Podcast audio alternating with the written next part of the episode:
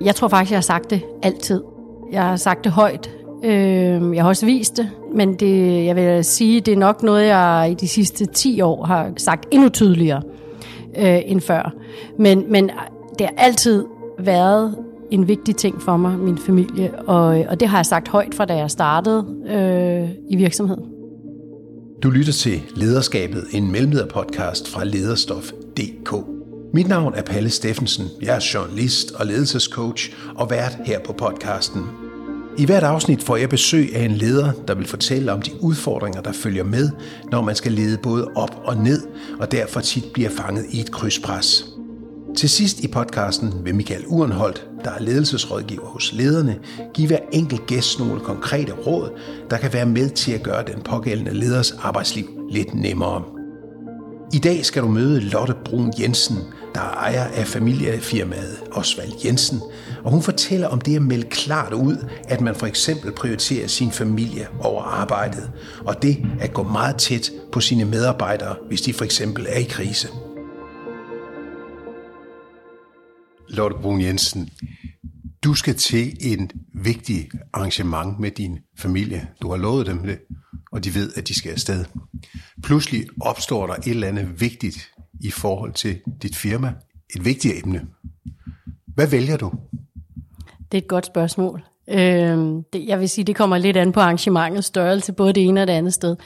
Men, men øh, min familie ligger mit hjerte nærmest, det er der ingen tvivl om. Så jeg vil nok øh, i øh, overhæng, med overhængende sandsynlighed vælge det. Fordi? Fordi at øh, for mig som person er familie, altså det jeg lever for, det er øh, primært min familie og mine øh, pårørende og, og venner. Det er det, der ligger mig øh, mest på sinde. Og det kan vel samtidig godt kambulere med jobbet som øh, direktør og ejerleder for Osvald Jensen? Det kan det, det er helt sikkert. Der kan jo også komme alle mulige øh, ting op, og det gør der jo også. Øh, så, så det er helt korrekt. Så det er et dilemma en gang imellem? Absolut. Det skal vi snakke om, og vi skal snakke om mange flere emner her i lederskabet. Velkommen til. Tusind tak.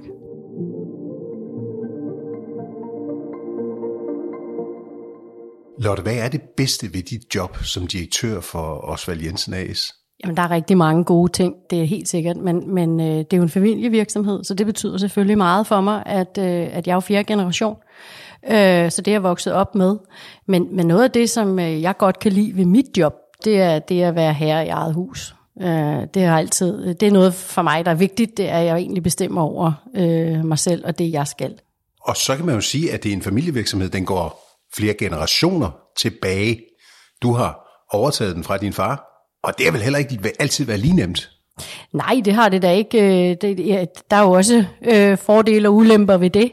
Øh, helt overordnet set synes jeg, at det er gået rimelig øh, smertefrit, hvad den øh, del angår, altså med generationsskiftet. Så, så, så ja, så det har egentlig ikke været det helt store problem. Hvad har brudfladerne været for eksempel? Jamen noget af det, der, men det handler nok mere om mig end ham. Øh, at det har været det her med, at jeg øh, har haft, jeg har fire børn, det har jeg stadig. Men øh, hvad hedder det, så, så jeg har været til dels også lidt splittet på den måde at forstå, at jeg har skulle øh, tage mig af dem, og jeg har skulle tage mig af jobbet. Så nogle gange har jeg ikke været der fysisk. Så har jeg måske mere været hjemme og arbejdet hjemmefra, eller lavet andre ting. Og, øh, og det, det, det har været en ændring fra hans øh, måde at gøre tingene på til min. At man faktisk er på arbejdspladsen? Ja. ja. I dagtimerne? Ja. Og, det har, og måske lidt mere end da. ja, lige præcis. Og øh, det, som der kan være, det er, at jeg nok lidt har haft dårlig samvittighed alle steder, eller begge steder, kan man sige. Derhjemme har jeg haft lidt dårlig samvittighed over, at jeg måske ikke har været på arbejde. Eller nu lyder det, som om, jeg ikke har været på arbejde, fordi det har jeg. Men, men jeg har gjort meget ud af ikke at have en 60 timers arbejdsuge øh, men, men mere en normal arbejdsuge. Så uanset hvor, i hvilket rum man var, kunne man godt føle sig lidt utilstrækkelig? Ja, lige præcis. Lige præcis. Men lad os vende tilbage til det, øh, vi startede med, og som jo også øh, taler ind i det, du lige har sagt, det der dilemmaet familie versus direktørkarriere. Hvornår tog du det valg, at familien var vigtigere end arbejdet? Øh, jeg tror faktisk, jeg har sagt det altid. Øh, jeg har sagt det højt. Øh, jeg har også vist det. Men, men det, det, jeg vil sige, det er nok noget, jeg i de sidste 10 år har gjort sagt endnu tydeligere øh, end før. Men, men det har altid været en vigtig ting for mig, min familie, og, og det har jeg sagt højt fra da jeg startede i virksomheden. Du sagde, at du også havde vist det. Hvordan har du vist det? Jamen, jeg har vist det ved faktisk at gøre det, jeg også har sagt. at, at, øh, at tage hjem, når jeg skulle hente mine børn, eller øh, hvis de har skulle til læge, så har jeg øh, taget dem med til læge, eller, øh, og det gør de fleste forældre jo, men, men også selvom det har været midt på dagen, og øh, hvis de har skulle noget, så har de altid kunne få fat i mig, Øh, og jeg har gjort rigtig meget ud af at, at forsøge at holde det på de der 37-40 timer, også da de var små. Men det er vel samtidig svært, når man sidder i, der kan være kriser i virksomheden, og der kan være store beslutninger, der kræver tilstedeværelse. Hvad så? Jamen det er korrekt, øh, og det er jo så også der, hvor dilemmaet kommer ind, fordi nogle gange har det jo selvfølgelig været på bekostning af familien, øh, at jeg har måttet gøre noget på arbejdet, og så har jeg heldigvis haft anden familie, altså der har jo også været en far til børnene, og der og er der jo stadig, og øh, bedsteforældre og, sådan noget, og venner, og så har vi måttet planlægge os ud af det. Så det, det, øh, det har kunne lade sig gøre.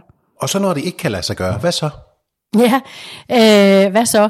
Jamen, men øh, det, det vil jeg sige, øh, det har kunne lade sig gøre. Altså, jeg har kunnet ordne de ting, der skulle ordnes både det ene og det andet sted. Så det, så jeg, det er lykkedes hver gang. Hvornår har dine medarbejdere tydeligst mærket, at dine prioriteringer er ret hårde i forbindelse med din familie? Det tror jeg faktisk, de kunne mærke, da jeg blev skilt øh, for 8-10 år siden, eller hvornår det er. Øh, fordi jeg har meget svært ved ikke at tage mit privatliv med på arbejde. Altså det er så stor en del af mig, at hvis, hvis, øh, hvis jeg, og der havde jeg det svært, det er der ingen tvivl om. Øh, det var en god skilsmisse på rigtig mange måder, men derfor er det bare svært alligevel. Der havde jeg et godt stykke tid, hvor, jeg, øh, hvor det var ret tydeligt, vil jeg sige.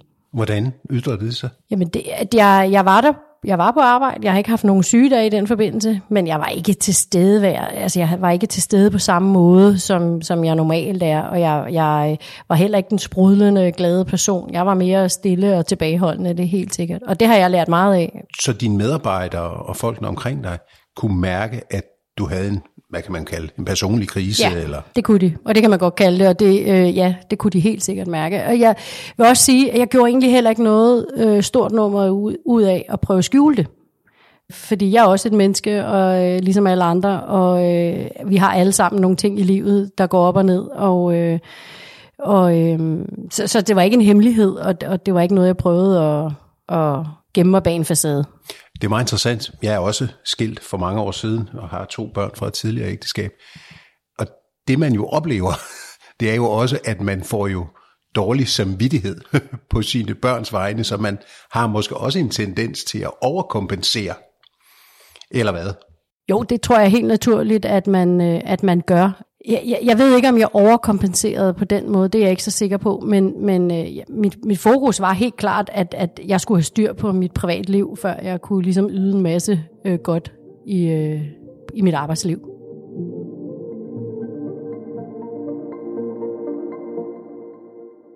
Men Lotte, hvor går den grænse for, hvor meget man involverer sine arbejdsomgivelser i sit privatliv?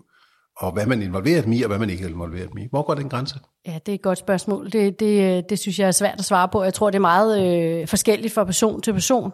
Øh, også hvor meget man, man ønsker at vise og involvere jeg havde helt klart den, øh, det behov, at folk vidste, hvad det var, der foregik, og hvordan jeg havde det, for jeg kunne ikke skjule det.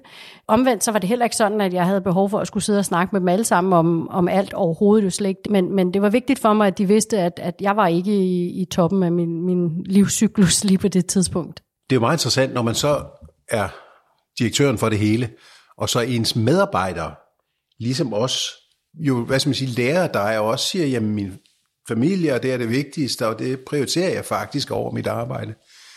Kan der ikke komme nogle konflikter i nogle forventninger, du kan have som chef til deres output i forhold til deres prioriteringer så?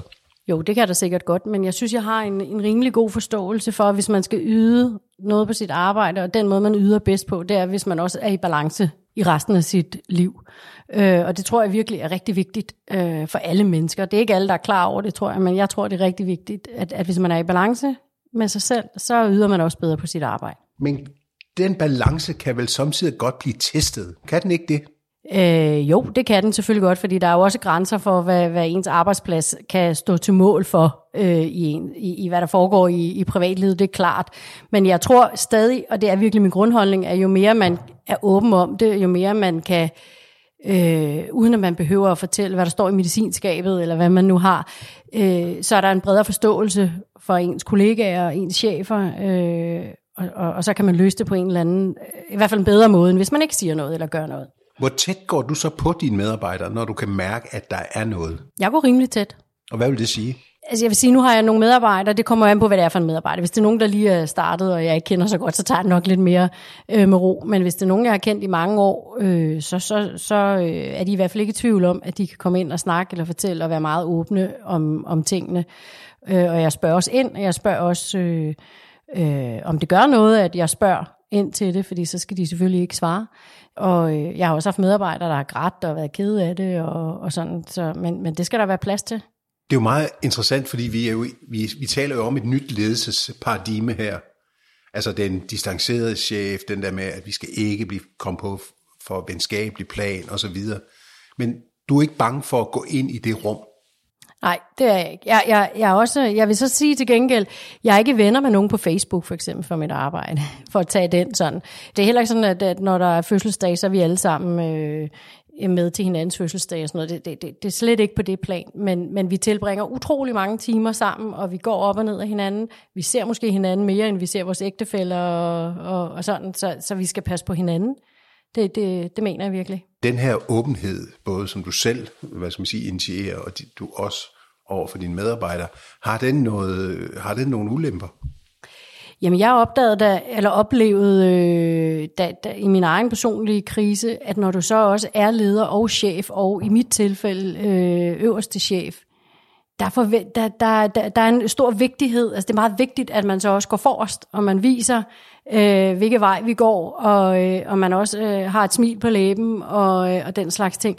Og det, det var nok noget af det, jeg lærte allermest af øh, i den periode. Det var egentlig, hvor vigtigt det var. Ja, fordi man har jo selvfølgelig en fornemmelse eller en forventning om, at du som chef viser retningen, at du er den, der altid har de bredeste skuldre og de stærkeste øh, ben, er det, og det har man jo bare ikke i de perioder. Nej, og det, og, det, og det er egentlig også pointen i, og det er også rigtig vigtigt, synes jeg, at man viser, at man også er sårbar. Jeg tror ikke, det gør noget, man siger, det her, det ved jeg for eksempel ikke særlig meget om, det ved du mere om, eller øh, nu, nu går du over min grænse, eller jeg, nu bliver jeg ked af det, er ked af det over et eller andet, eller øh, er, er ikke på toppen i, i privatlivet, eller hvad det kan være. Men det er lige så vigtigt så også at vise, og det er måske især vigtigt, når man så er på toppen, og man, man har overskuddet, at man så viser de brede skuldre. At, at det er der, det også bliver tydeligt. Ja. Fordi faren er jo, at man, man bliver dernede. Ja, og det er ikke så godt. Altså det er helt sikkert, øh, det, det er jo en begrænset periode, man kan, kan være i, i, i det vakuum, i hvert fald som jeg var. Det skulle ikke have varet særlig meget længere, vil jeg sige.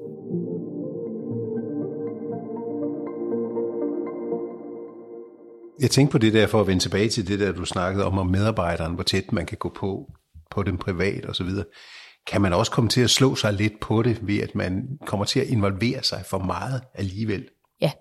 Det tror jeg godt, man kan. Øh, og så kan det jo være svært at trække sig ud af igen, og det skal man selvfølgelig gøre sig meget bevidst om. Jeg oplever, at og har i de 25 år, jeg har været, hvor jeg er nu, øh, faktisk en ret stor åbenhed fra, fra øh, stort set alle medarbejdere siden, når der har været noget. Det kan være sygdom, det kan være øh, andre former for livskriser. Det, det er ligesom om, at, at, at de øh, taler meget åbent til mig, faktisk, og meget lige ud af posen om, øh, om deres situation. Så du har ligesom altså flyttet den grænse for, for, for hvor ærlig man er i forhold til sin chef, eller hvad? Ja, jeg ved ikke, om jeg har flyttet den, men, men det, det er sådan, det er hos os i hvert fald, oplever jeg. Det kan jo godt være, hvis du spurgte nogle af mine medarbejdere, de havde en anden holdning, det skal jeg jo ikke kunne sige, men min oplevelse er, at når der har været noget, så er de kommet ind og, og faktisk søgt hjælp på en eller anden måde, fordi det, det, det er jo ikke, fordi jeg har kunne løse problemet for dem, men jeg har fra, fra deres arbejdsliv i hvert fald kunne forsøge at gøre det lettere for dem det er jo meget interessant. Du har været i den virksomhed, som sagt, i 25 år. Den er familieejet. Det lyder jo lidt som nærmest sådan en stor familie. Bliver den der, det der familieskab, som der jo er, både blandt medarbejderne og i forhold til dit bagland og så videre, kan det godt blive, øh, blive lidt for incrowded eller for trængt til luft? Det tror jeg sådan set godt, det kan. Jeg tror ikke, altså, jeg tror, at øh, der er ikke nogen arbejdspladser, der tager skade af at få nyt blod ind også. Øh, og, og, og, og det har vi jo fået mange gange i løbet af, af vores øh, tid. Men, men, og, og det er godt. Øh, og det ryster selvfølgelig posen. Men du har da helt ret i, at, øh, at det, det bliver meget familiært. Det gør det. Men det er vel også det, I gerne vil have? Og vi har også, øh, altså, og ja, der tror jeg, der er en stor forskel på at være familieejet virksomhed, og så øh, ejet af en kapitalfond, eller hvad det nu kan være, at øh, vi bliver en stor familie. Og det er også noget, det tror jeg, i hvert fald hvad jeg selv oplever, der gennemsyrer lidt ånden hos os, det er, at der er altså rigtig mange, der har været der i rigtig mange år.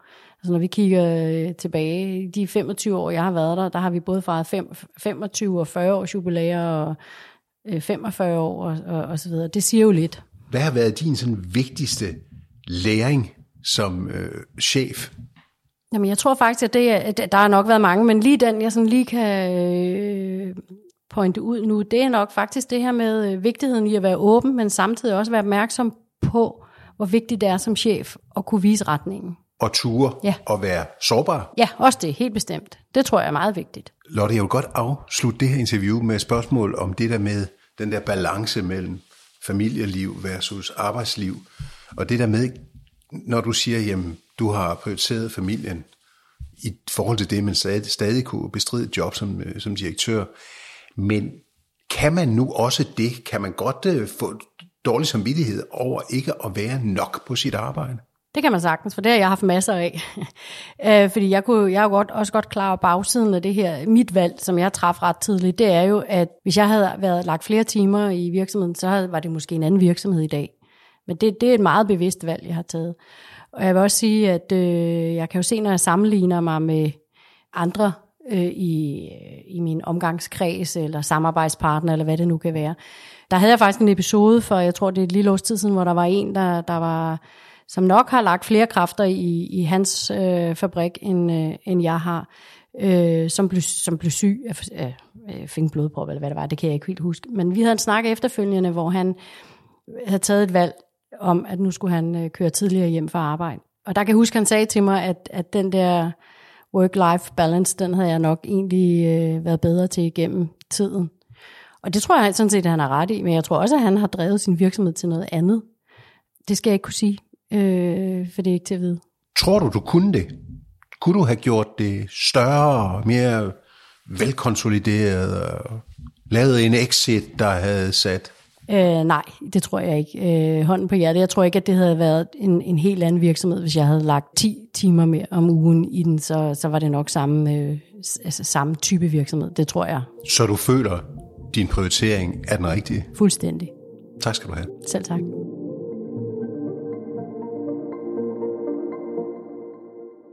Michael Urenholdt, nu har du jo siddet og lyttet på Lotte Brun Jensens fortælling om, hvordan hun prioriterer sit liv, og hvordan hun går tættere på sine medarbejdere osv., end man normalt gør. Hun melder ud, at hun, og hun har faktisk meldt meget klart ud, at hun først og fremmest er familiemenneske, mere end hun nærmest er jobmenneske. Hvad tænker du om det? Jeg, jeg synes for det første, det er rigtig modigt, og, øh, og det skulle hun virkelig have kado for. Øh, hun er også i den særlige situation, at det, det er familiefirma, eget firma, så hun er ligesom chefen, så hun kan i bund og grund gøre, som hun vil.